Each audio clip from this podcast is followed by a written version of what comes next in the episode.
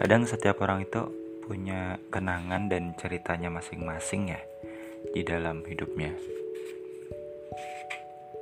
Terlepas itu kenangan buruk atau baik, menurutku itu tetaplah kenangan. Aku punya dua contoh ya orang. Yang pertama, dia punya kenangan baik dan juga buruk begitu pula orang kedua kenangan baik orang pertama itu dia punya keluarga yang penuh kasih sayang. Sampai akhirnya dia punya pasangan. Sedangkan kenangan buruknya adalah karena dia terlalu dekat dan sayang sama keluarganya dia nggak punya banyak circle pertemanan ya temannya sangat sedikit.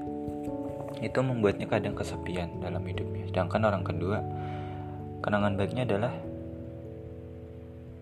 dia punya satu orang yaitu kakeknya sebagai mentor sebagai tentunya kakek dan juga orang yang dia jadikan teladan gitu. Kenangan buruknya adalah dia kehilangan kakeknya saat dia udah punya pasangan. Pinginnya sih buat kakeknya bahagia karena dia udah punya pasangan tapi ternyata kakeknya udah dipanggil duluan.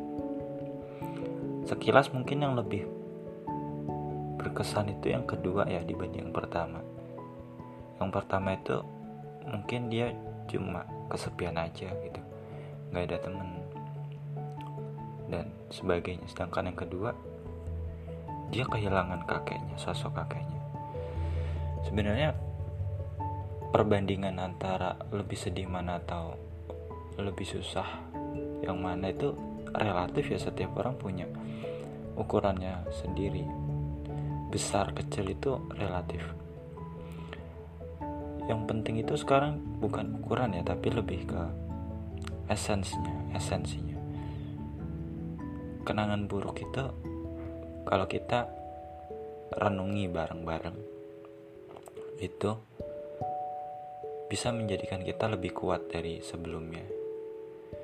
Seperti contoh orang pertama, dia hanya punya keluarga, temennya sedikit, ya. Tapi bayangkan ketika orang tuanya udah nggak ada, terus dia nggak punya teman, apa yang bisa dijadikan pegangan? Ya mungkin dirinya sendiri dia harus tetap kuat dalam hidup ini. Sekalipun selalu kesepian dan sebagainya. Ya mungkin bukan karena dia nggak punya teman tapi karena dia jarang keluar. Dia selalu di dalam. Atau emang keadaan yang membuatnya seperti itu. Yang kedua dia kehilangan kakeknya. Tapi itu menjadikan dia lebih kuat untuk mencari teman baru untuk cari orang baru dia udah punya pasangan juga kan. Itu bisa memperkuat hubungannya dia. Dan kenangan baik yang pernah dimiliki itu akan semakin memperkuat citra diri kita. Contohnya yang pertama dia punya keluarga yang kasih sayang. Itu bisa memberikan dia contoh. Dia juga bisa menjadi orang yang penyayang buat keluarganya dan sebagainya. Sedangkan yang kedua dia punya sosok kakak yang baik.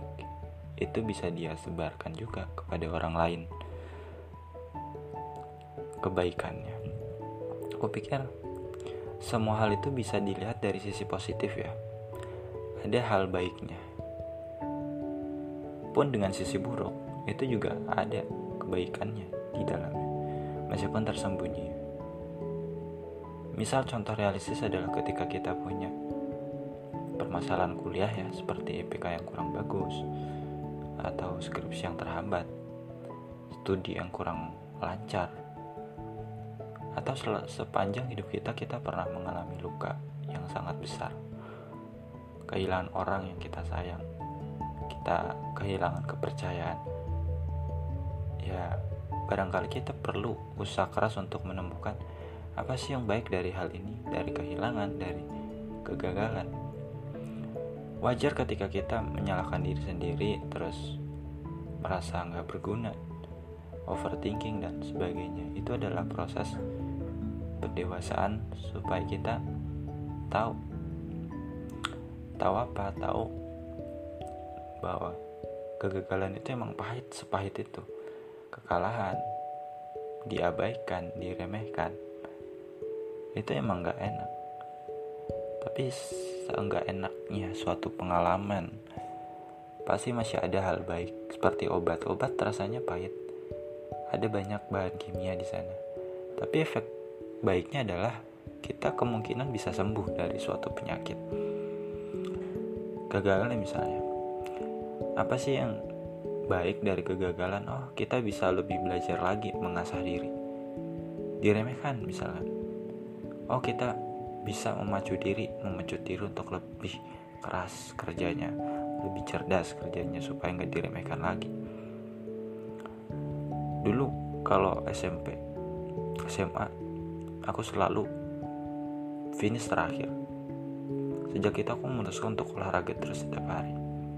Akhirnya aku bisa bertahan, bisa fit selama berjam-jam di bawah sinar matahari. Apa pun keadaannya aku sanggup berjalan, bahkan hingga puluhan kilometer. Itu secuil pengalamanku ya tentang topik ini. Intinya eh, itu kan semuanya bisa disebut kenangan ya, kenang-kenangan yang rasanya nggak pernah bisa kita lupakan berbeda dengan rutinitas yang itu itu aja karena setiap hari melakukannya kita lupa sama esensinya gimana ya kita kadang hanya ingat momen-momen yang memorable yang bisa diingat seperti bertemu orang untuk pertama kalinya atau perpisahan pernah melakukan hal bersama ya, lalu berpisah atau ada kesan-kesan tertentu yang membuat suatu hal menjadi kenangan tersendiri. Kenangan itu menurutku disimpan dalam memori yang khusus ya. Ada bagian dari otak kita yang berfungsi untuk menyimpan kenangan. Itu asumsiku. Di otak kita kan sebenarnya kayak ada banyak wadah ya. Ini wadah untuk A, untuk B, untuk C. Cuma kita nggak tahu bentuk wadahnya seperti apa, caranya menyimpan bagaimana tahu-tahu kita bisa akses informasi itu begitu saja ketika kita butuh contoh saat ujian kita butuh informasi tentang soal ini langsung ketemu langsung keluar jawabannya. Kadang juga lupa konslet. Kita ingin ini kok nggak keluar jawabannya? Baru keluar ketika ujiannya selesai. Itu contoh ya. Dan masih banyak lagi contoh tentang kenangan yang mungkin gak bisa dilupakan. Kadang kita ya nostalgia dengan masa-masa SD, masa SMP atau masa SMA yang rasanya seperti membangkitkan momen soalnya kita sedang kembali ke masa lalu meskipun kita nggak benar-benar ada di masa lalu juga tapi perasaannya tuh kayak masih nyatu gitu Contoh ekstrim adalah ketika kita mengingat orang yang udah meninggal.